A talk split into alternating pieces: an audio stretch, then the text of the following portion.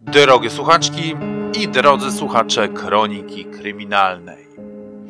Zbrodnia nie jedno ma imię. Nie zawsze musi to być seryjniak. Czasami wydarza się za naszymi ścianami. I dzisiaj właśnie o takim typie zbrodni będziemy opowiadać. Nie przeciągam jednak i zanurzmy się w tę historię.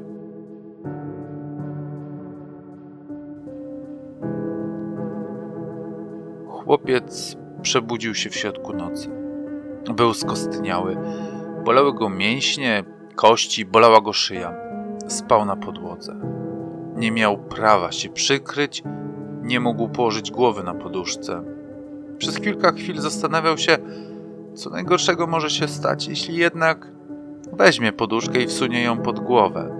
I tak nie mógł już grać na komputerze, nie mógł wychodzić z kolegami na dwór, nie mógł nawet czytać książek. No i położył się głodny spać. Najgorsze, co może mu się przydarzyć, to lanie i brak śniadania. Poczuł burczenie w brzuchu. Miał wrażenie, jak gdyby żołądek zaczął trawić wewnętrzne organy, jak gdyby był przyssany do kręgosłupa.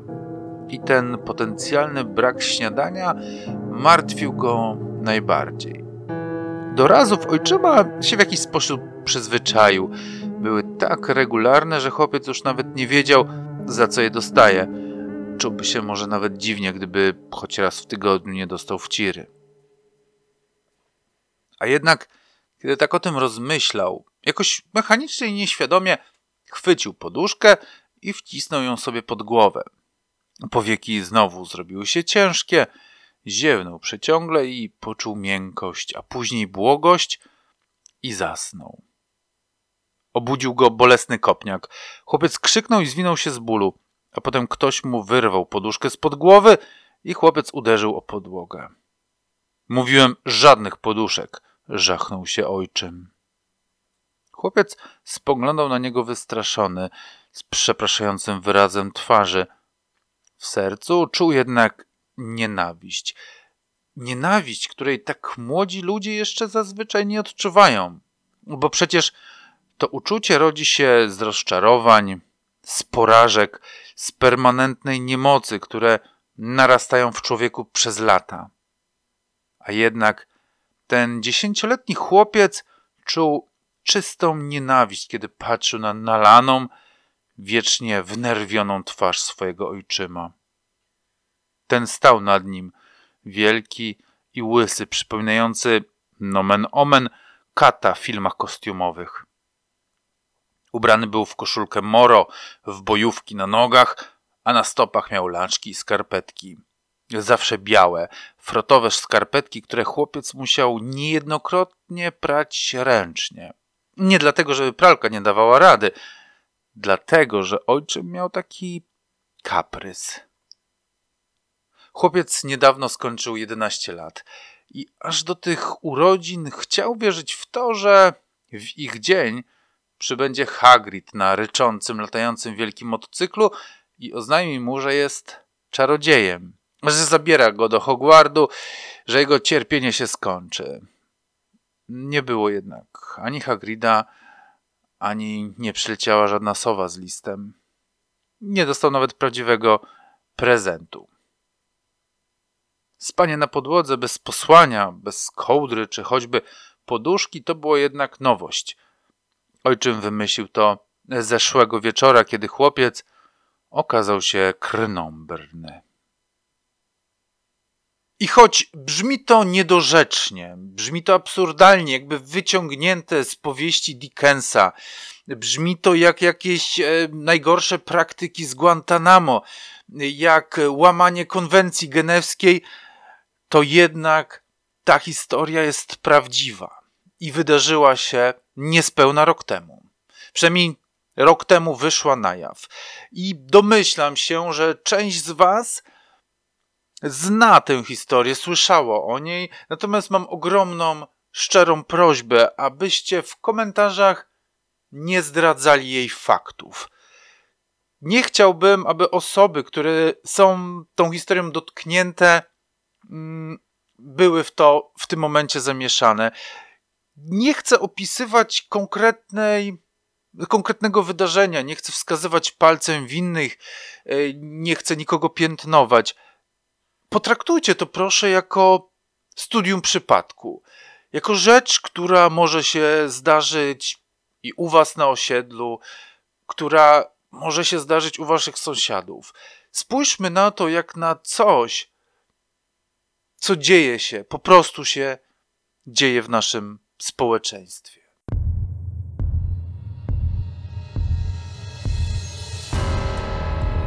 Ta historia wydarzyła się naprawdę. Aby zachować jej spójność, brak niektórych faktów wypełniony został koniekturą i presumpcją.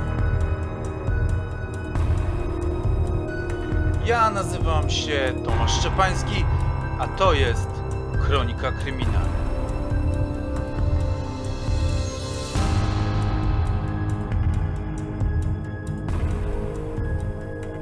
W baśniach to najczęściej macocha jest tą złą.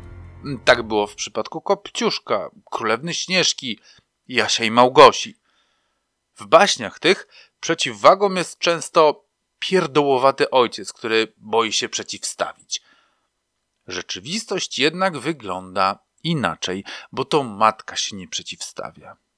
Ale najczęściej nie dlatego, że jest pierdołowata, ale dlatego, że także się boi jest taką samą ofiarą mężczyzny jak jej dzieci. W naszej historii też będziemy mieli do czynienia z taką matką, ale o tym za chwilę. Wróćmy najpierw do naszego chłopca, którego obudził kopniak ojczyma. Nawet kary nie umiesz przyjąć z godnością, rzekł ojczym, patrząc na malca z góry. Coś ciebie wyrośnie. To po chwili niby retorycznie, ale zaraz pociągnął litanię pełną części od rowerów, ciotek, kobiecych organów. Bluzgi te padały z ust ojczyma równie regularnie jak razy, ale były dla chłopca bardziej bolesne. Już wtedy zrozumiał, że słowa ranią czasem bardziej niż ręko czy też pasoczyny. Nie rozpłakał się jednak, schował swój strach głęboko w sercu i spojrzał na ojczyma wyzywająco. Nie za bardzo, bo by dostał liścia, ale wystarczająco mocno, by starego zabolało. Tego nauczył się przez ostatnie kilka lat, kiedy mieszkał z tym patologicznym sadystą. Jedyną bronią młodego było spojrzenie prosto w oczy, nie uciekanie wzrokiem, nie rozpłakanie się. Ojczyma nakręcało, kiedy się płakało, kiedy błagało się go, aby przestał. Matka płakała często. Zawodziła przy tym i biadoliła, a ojczym wtedy dokładał i krzyczał coraz głośniej i wymyślał kolejne epitety. Chłopiec płakał coraz rzadziej. W zasadzie już prawie wcale. Więc teraz, odczekawszy chwilę, kiedy uświadomił sobie, że młody się nie rozpłacze, ojczym wzruszył ramionami i pokręcił głową. Mały sukces dla chłopca. Jak się spodziewał, śniadania nie dostał. Nie zasłużył sobie, powiedział ojczym do matki, kiedy wraz z najmłodszym synkiem siedzieli przy stole. Kazałem mu spać bez poduszki, a on mnie oszukał i wziął sobie poduszkę. Matka spojrzała swoim smutnym wzrokiem na synka, ale nic nie powiedziała.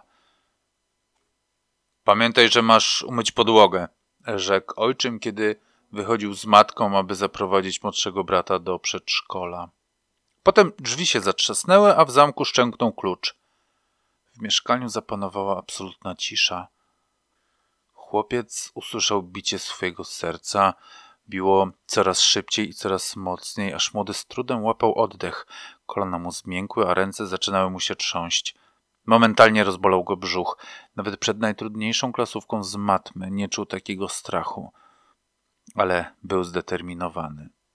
Pobiegł do sypialni rodziców, do sypialni matki i ojczyma. W szufladzie szafki nocnej matki miała zapasowe klucze do mieszkania. Chłopiec przyuważył je już jakiś czas temu i od tamtej pory rozważał, czy by nie uciec. Bał się, nie chciał zostawić matki samej, ale z dnia na dzień był coraz bardziej przekonany, że nie ma innego wyjścia.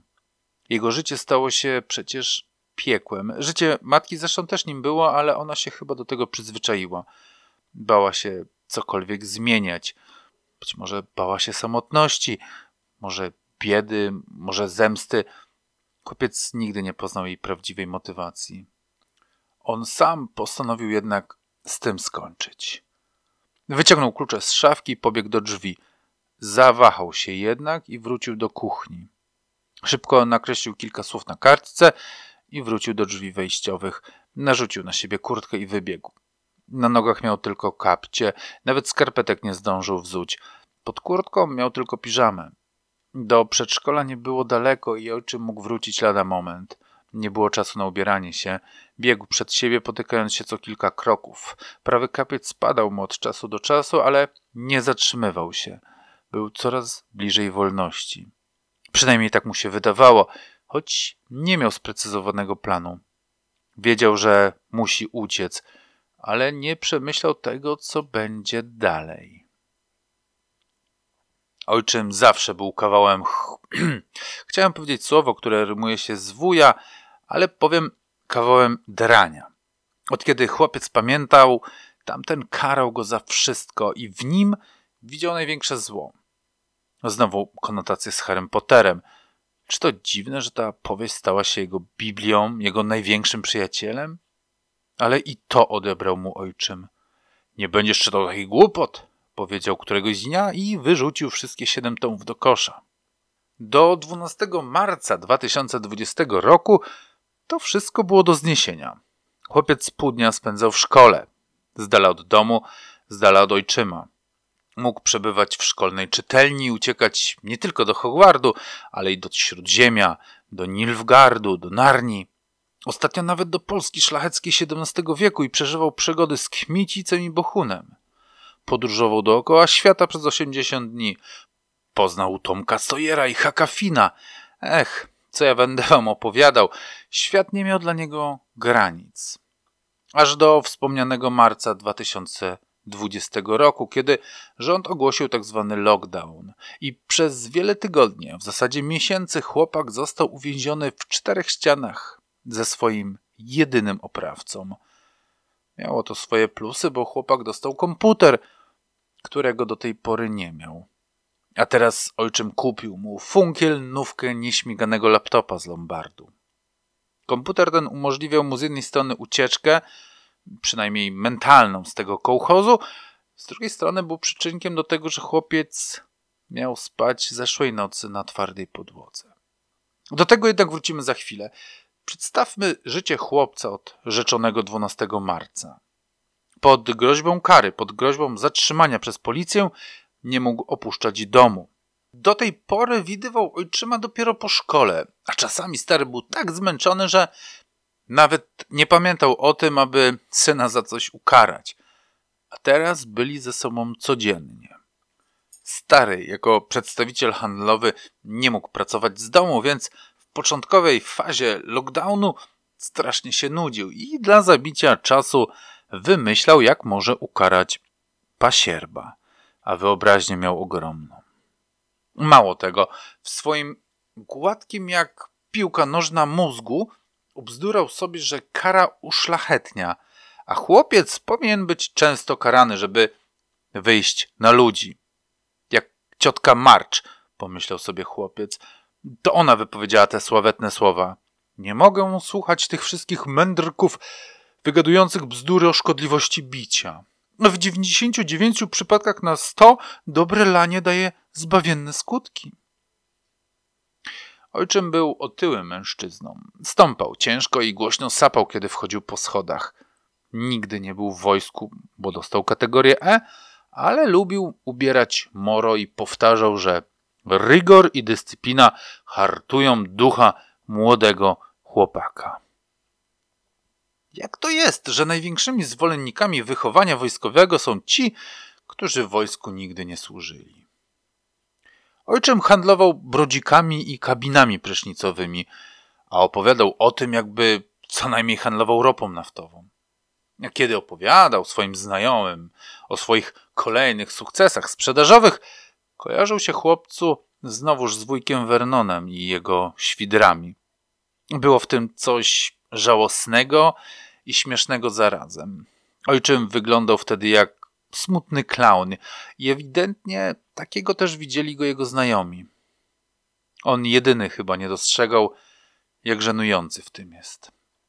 Wprawdzie utrzymywał z tego rodzinę, tego mu odebrać nie można, ale jego osiągnięcia dalekie były od tego, jak on je sobie wyobrażał. Zresztą nie tylko w tej kwestii miał problemy z mitomanią.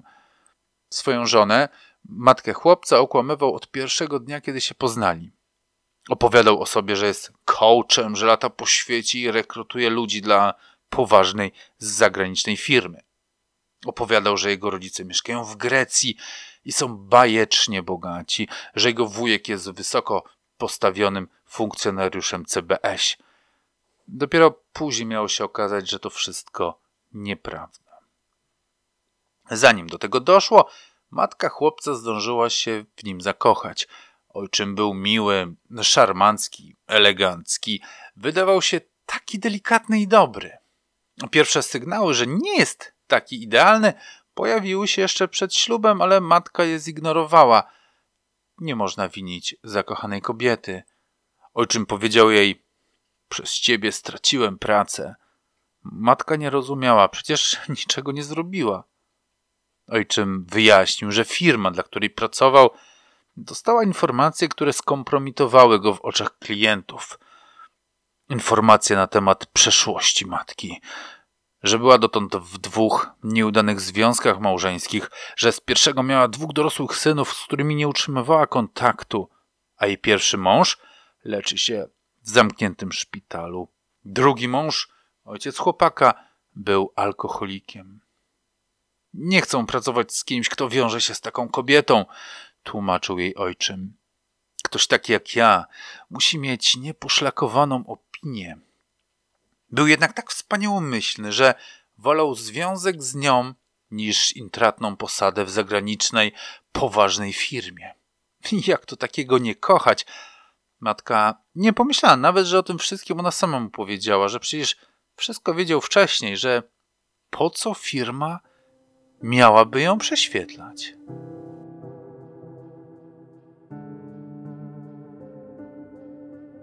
Chłopiec biegł przed siebie, potykając się o własne laczki, czując, że łzy spływają mu po policzkach. Z każdym krokiem czuł się coraz bardziej wolny. Z każdym krokiem jednak czuł się teraz także coraz bardziej winny. Winny, że zostawił matkę samą. No ale przecież nie mógł zabrać jej ze sobą. Ona by się nie zgodziła na ucieczkę, była przywiązana, przyspawana do ojczyma. Swoje wyrzuty sumienia chłopiec zagłuszał tym, że poprzedniego wieczora dostał od matki w twarz. Chyba pierwszy raz w życiu. I to w momencie, kiedy liczył na jej pomoc, na jej wsparcie.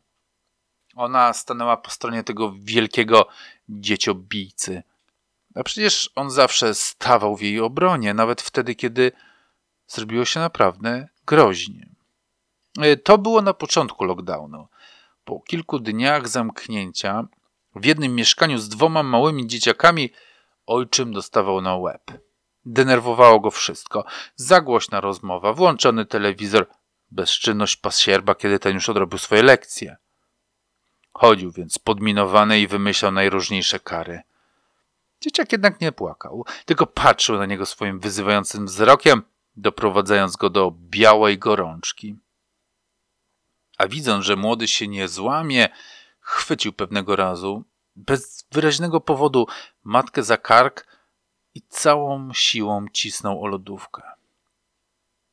Ocknęła się dopiero po jakimś czasie, leżała na podłodze i przez kilka chwil nie wiedziała, co się stało. Czuła ciepłą ciecz na łuku brwiowym. Nad nią stali obaj jej synowie. Młodszy płakał, był przerażony i w ogóle nie wiedział, co się dzieje – Starszy był zawzięty. Mamo, chodźmy na policję, powiedział przez zaciśnięte zęby. Patrzył z nienawiścią na ojczyma. Ten się jednak roześmiał. Dzieciak do dziś pamięta jego obrzydły rechot, jego trzęsący się jak galareta podbródek. Pamięta, jak ojczym klepał się w powydatnym brzuchu, zaśmiewając się w obleśny sposób. Ta! Idźcie na psy, a was oboje wyp pierdolę. Będziecie żebrać na ulicy jak żebraki. Pójdziecie mieszkać pod mostem.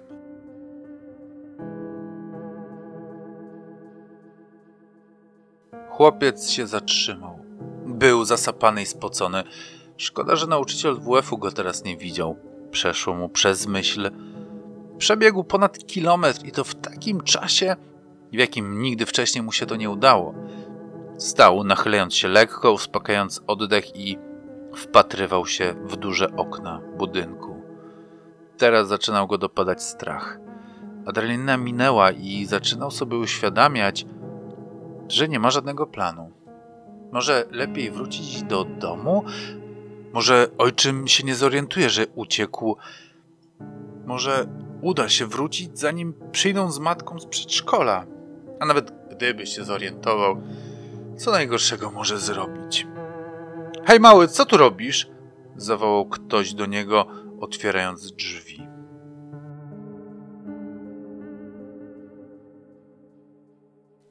Ojczym z matką wrócili do mieszkania. Odprowadzili najmłodszego szkraba do przedszkola, po drodze zrobili też zakupy. Skór! Syn nie umył podłogi, powiedział ojczym, zanim jeszcze zdjął buty. Wygarbuję ci tak skórę, że popamiętasz! Krzyknął w głąb domu, ale odpowiedziała mu głucha cisza. Słyszysz mnie? Gówniarzu, gdzie jesteś? Ojczym wszedł najpierw do salonu, potem do pokoju dzieciaka, do drugiego pokoju, zajrzał do sypialni, ale pasierba nigdzie nie było. Ojczym wrócił do kuchni, aby skląć młodego, na czym świat stoi, ale zastał tam swoją żonę, która nachylona nad stołem płakała. Co się kur... stało? Zapytał najuprzejmiej, jak potrafił. On uciekł, odparła przez zaciśnięte usta, podnosząc zapłakany wzrok. Łzy spływały jej po policzkach potokiem. Ojczym zacisnął zęby, nie miał siły na nią patrzeć. Nienawidził żałosnego płaczu kobiet. Miał ochotę dać jej w twarz, ale był zbyt wściekły na gówniaka, żeby spełnić swoją zachciankę. Gdzie ci uciekł? Żachnął się. Co ty pier... Jest za głupi, żeby uciec. Kobieta podsunęła mu kartkę papieru, na której koślawymi literami skreślone były cztery krótkie zdania. Uciekłem z domu. Mamo, żałuję, że mnie urodziłaś. Ja żałuję, że z wami jestem. Do widzenia.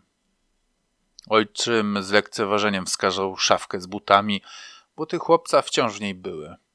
Wyszedł w laczkach. Powiedział, gdzie on ci w laczkach ucieknie? Myśl, kobieto, bo czasem nie mogę na ciebie patrzeć.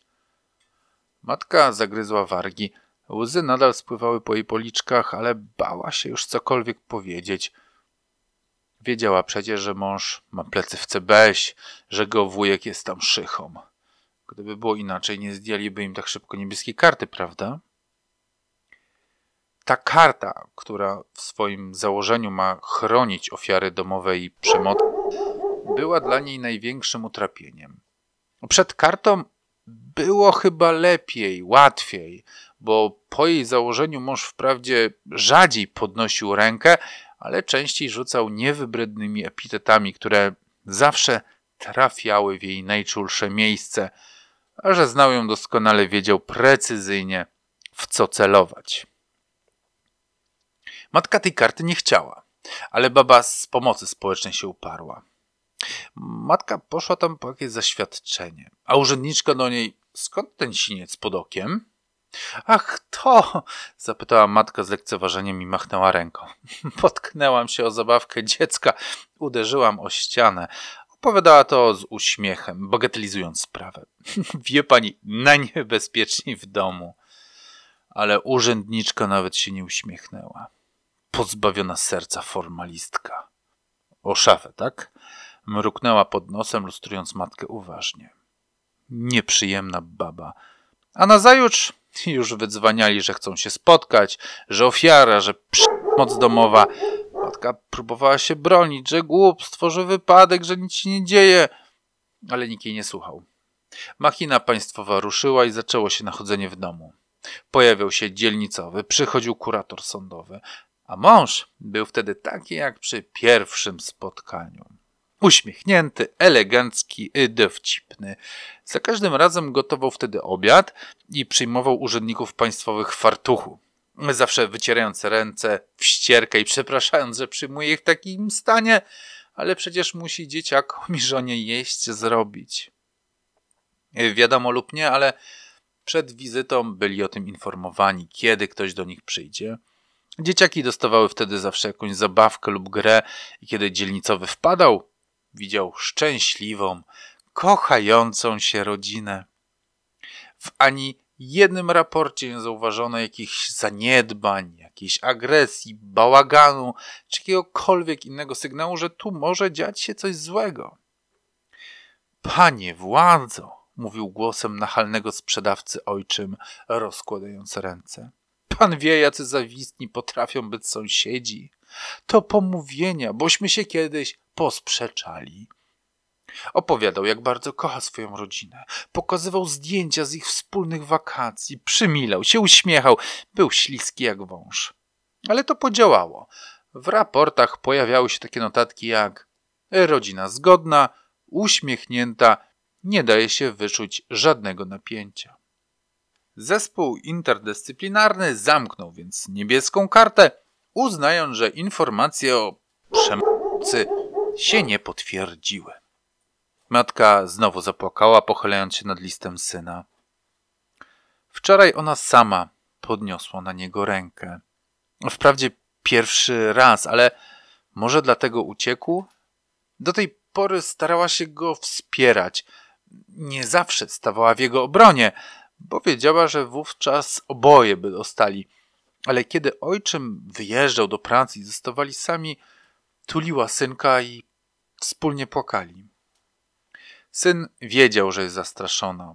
Był bardziej dojrzały niż ona. To on chciał już kiedyś zgłosić na policję, że ojczym ma ciężką rękę, ale ona go od tego odwiodła. Przecież to by nic nie dało. I tak by to nic nie dało. I byłoby tak samo jak z tą niebieską kartą. Ale dlaczego wczoraj nie wytrzymała i wymierzyła mu policzek? Po co? Co jej strzeliło do głowy? Może myślała, że to uchroni go przed karą ojczyma? Jeśli tak, to była naiwna, wyrzucała sobie teraz. Wczoraj w pracy odebrała telefon od męża. Jednak nie usłyszała jego głosu, tylko głos swojego syna. Mamusiu, jestem kłamcą i leniuchem, powiedział chłopiec. Matka poczuła ukłucie w sercu, wiedziała, że nie mówi swoimi słowami. Cały dzień grałem na komputerze i się nie uczyłem. Grałem na wszystkich lekcjach. Chłopiec mówił to twardym, mechanicznym głosem. Matka wyobraziła sobie, że mówiąc to, patrzy zimnym wzrokiem na ojczyma.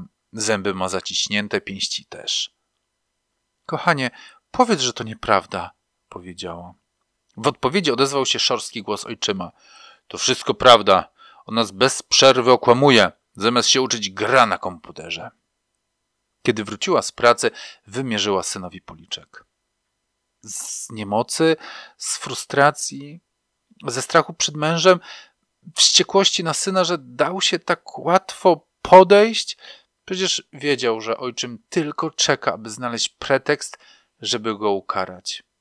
Dlaczego sam mu się w taki głupi sposób podstawił? Była zła na syna. Nie dlatego, że grał, ale dlatego, że dał się przyłapać.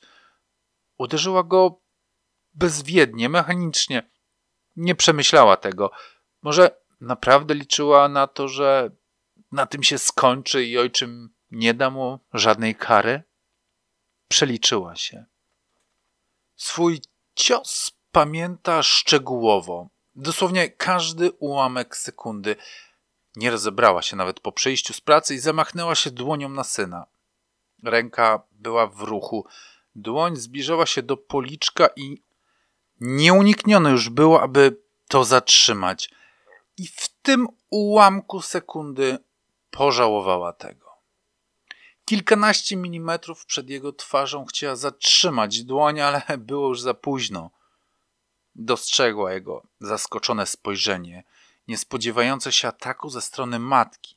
Jego wielkie oczy, jego zdziwienie i rozczarowanie w tej samej chwili. I wtedy poczuła i usłyszała plaśnięcie.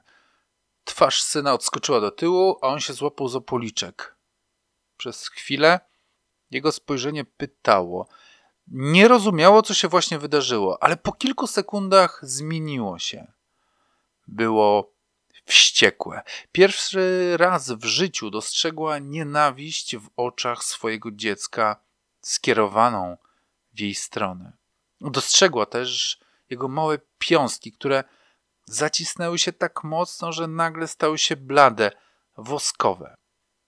Wtedy uświadomiła sobie, że coś się właśnie skończyło. Nie pomyślała jednak, że następnego ranka jej syn ucieknie z domu. Dla ojczyma policzek to za mało. Kazał chłopcu spać na podłodze, bez pościeli, bez poduszki. Co zabawne, pomyślała sobie matka, mnie też tak kilka razy ukarał. Nagle zadzwonił jej telefon. Wybita ze swoich myśli spojrzała na ekran. Numer nieznany. Spojrzała pytająco na męża, odebrała. Kobiecy głos zapytał ją o imię i nazwisko i czy jest matką swojego syna. Potwierdziła. Ten sam kobiecy głos poprosił, aby przyszło na komisariat, bo znaleźli jej synka. Bała się, ręce jej się trzęsły i obiecała, że będzie za kwadrans. Mówiłem, że się znajdzie, zadrwił mąż, kiedy wychodziła z domu. Siedział na kanapie, nogi na podnóżku, włączał telewizję. Dostanie wciry, jak wróci, dodał. Na ulicy matka ujrzała radiowóz, który wjeżdżał pod ich blok. Nie zatrzymała się jednak i przyspieszyła kroku.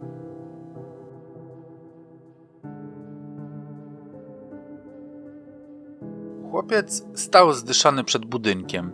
Rozważał, czy nie wrócić czasem do domu, ale wtedy otworzył drzwi jakiś mężczyzna. Hej, mały, co tu robisz? Zapytał. Był w granatowym mundurze, choć bez czapki. Zastygł tak w drzwiach, trzymając klamkę jedną ręką, ilustrując chłopca uważnie.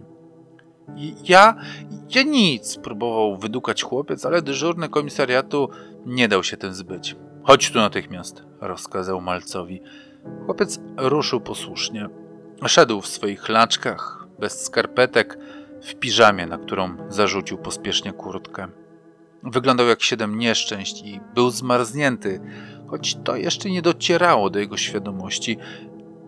Ten poranek był naprawdę zimny. Termometry wskazywały pięć kresek powyżej zera.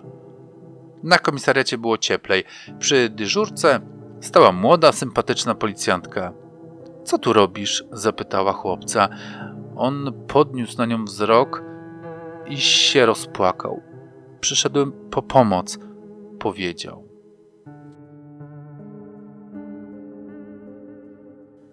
Policjantka i dyżurne zastygli. Nie mieli pojęcia, co zrobić. Oto stał przed nimi dzieciak w piżamie i płakał jak małe dziecko. Idź po starego, powiedziała policjantka do kolegi. To chyba gruba sprawa. Dyżurny jakby się rozbudził. Tak, tak, jasne, po, po starego, mamrotał i pobiegł do komendanta. Komendant, kiedy usłyszał, że w holu stoi chłopiec w piżamie i w samych klapkach wyglądający na wystraszonego, rzucił papierkową robotę i natychmiast zajął się młodym. Zamówił mu pizzę, odział w policyjny polar, dał mu skarpetki. Chłopiec opowiedział w ogromnym skrócie, co przeżywał przez ostatnie lata, a komendant postanowił tego nie zignorować.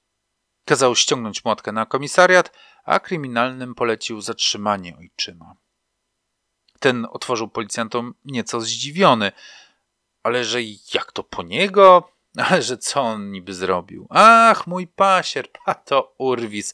Oczywiście, panowie, że z wami pójdę. Nie, nie będę stawiał oporu. Oto moje ręce, proszę mnie skuć, bo chyba tego wymagają procedury, prawda? Podczas przesłuchania nie przyznał się do niczego, co opowiadał jego pasierb. Synek konfabuluje, mówił swoim słodko pierdzącym głosem obowoźnego handlarza. On ma takie problemy, że zawsze chce być w centrum zainteresowania. Wiecie, panowie, ja nie twierdzę, że nigdy nie podniosłem na niego głosu. Też jestem tylko człowiekiem, ale jego opowieści są bardzo przesadzone. Śledczy pokazali ojczymowi kalendarz znaleziony u nich w domu, w którym był rozpisany szczegółowy plan zajęć młodego. Pobudka, śniadanie, modlitwa, lekcje, mycie podłóg, ścielenie rodzicom łóżka. Panowie, powiedział ojczym ze sztucznym oburzeniem. Chyba nie chcecie mi zarzucić, że uczę synka odpowiedzialności. To raczej cnota niż przewinienie. Ale to nie wszystko. Śledczy pokazali ojczymowi kolejne pisma.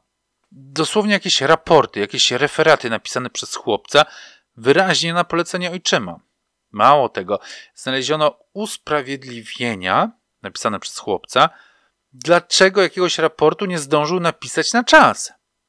Poza tym listy, w których chłopiec przeprasza, że jest kłamcą i wyjaśnia, z jakiego powodu okłamuje najbliższych. To nie wychowanie, powiedział śledczy. To wykroczenie przeciwko artykułowi 207, paragraf pierwszy. Dla wyjaśnienia przetoczę. Kto znęca się fizycznie lub psychicznie nad osobą najbliższą lub nad inną osobą pozostającą w stałym lub przemijającym stosunku zależności od sprawcy, albo nad małoletnim lub osobą nieporadną ze względu na jej stan psychiczny lub fizyczny, podlega karze pozbawienia wolności od 3 miesięcy do lat 5. To wychowanie, upierał się jednak ojczym. Złe wychowanie, odparł śledczy. Ojczym nie przyznawał się do winy, ale biegły psycholog uznał, że zeznania chłopca są w pełni wiarygodne. Chłopiec opowiadał, że często bywa głodny lub spragniony, bo ojczym zakazał mu brać jedzenia z lodówki bez pytania. Bywał stawiany w kącie albo musiał klęczeć z wyciągniętymi rękoma. Poza tym banalne kary, zakaz wychodzenia na podwórko, zakaz gry na komputerze, zakaz czytania książek. Zeznania chłopca potwierdzały nie tylko raporty, które musiał tworzyć na polecenie ojczyma, ale także sam jego pokój. Śledczy z niedowierzaniem przeszukiwali pokój chłopca. To było najmniejsze pomieszczenie w mieszkaniu, z obdrapanymi ścianami, z niewielkim, zbyt małym jak na tego chłopca łóżkiem, bez zabawek, bez książek poza podręcznikami jak z jakiejś powieści Dickensa, czy, czy baśni braci Grimm lub Hansa Christiana Andersena. Policjanci myśleli do tej pory, że takie rzeczy dzieją się tylko w austriackich piwnicach.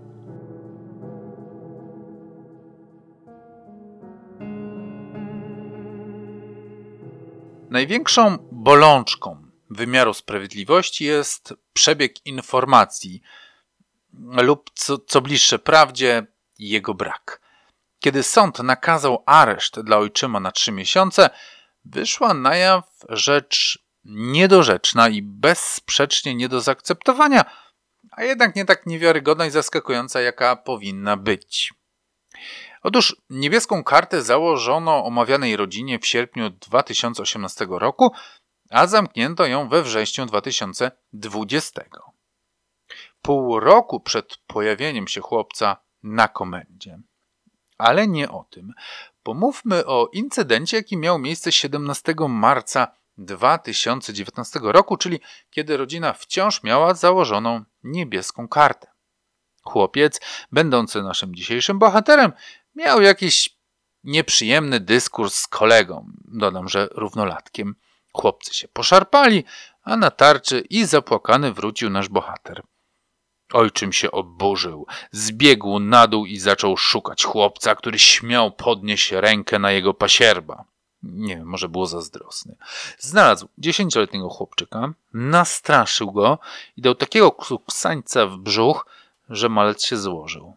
Nie będę teraz wchodził w szczegóły, w rozprawę i tak dalej. Faktem jest, że ojczym został wtedy skazany za tę napaść na Malca, a sąd w swoim uzasadnieniu wyroku napisał, że oskarżony nie potrafi kontrolować siebie i swojego zachowania. Zachowanie mające postać przemocy fizycznej, której dopuścił się wobec małoletniego, jest niedopuszczalne. Niewątpliwie oskarżony ma wybuchowy, nerwowy charakter. Y, napaść, bo nie wiem jakiego innego słowa mógłbym tutaj użyć, na tego dziesięcioletniego malca kosztowała 8 miesięcy więzienia. Ma się rozumieć, że w zawieszeniu. Ojczym i tak się później do tego odwołał, ale nie o tym. Co mnie jednak najbardziej tutaj bulwersuje, to fakt, że podczas napaści na tego dziesięcioletniego malca dzielnicowy kurator sądowi mieli teoretycznie ojczyma na oku ze względu na tę niebieską kartę. Ale uwaga, oni nigdy nie dowiedzieli się o tym, co zrobił. Nie dowiedzieli się o tym wyroku. I, I, tu proszę was, nie szukajmy winnych w urzędnikach. Ewidentnie zawinił tu system. Kurator lub dzielnicowy po prostu nie dowiedzieli się napaść na chłopca, a śledczy, którzy oskarżyli ojczyma, z jakiegoś powodu nie wiedzieli o tej niebieskiej karcie. No, przyznać trzeba, że w XXI wieku brzmi to dość żałośnie, że nie ma jakiegoś zintegrowanego systemu. Jako obywatela płacącego podatki boli mnie, że dochodzi do takich niepotrzebnych zbrodni, bo gdzieś ucięta jest tutaj ta droga informowania.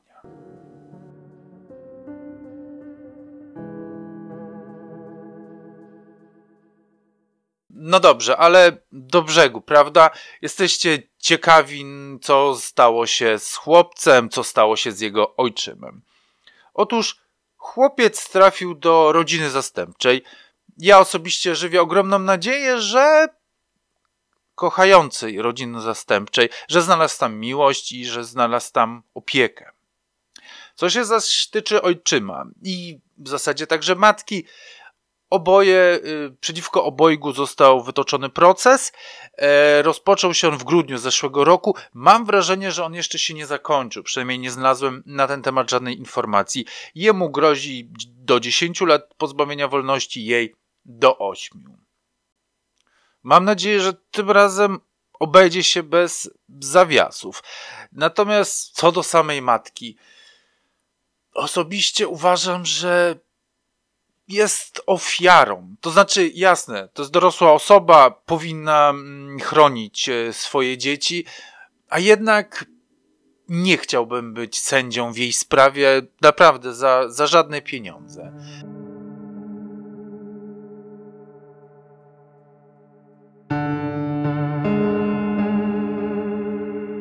Na przyszły tydzień postaram znaleźć się coś lżejszego, aby ochłonąć po dzisiejszej opowieści. I mimo, że ton mojej narracji bywał lżejszy, to uwierzcie mi, że tę historię pisałem z wilgotnymi oczyma.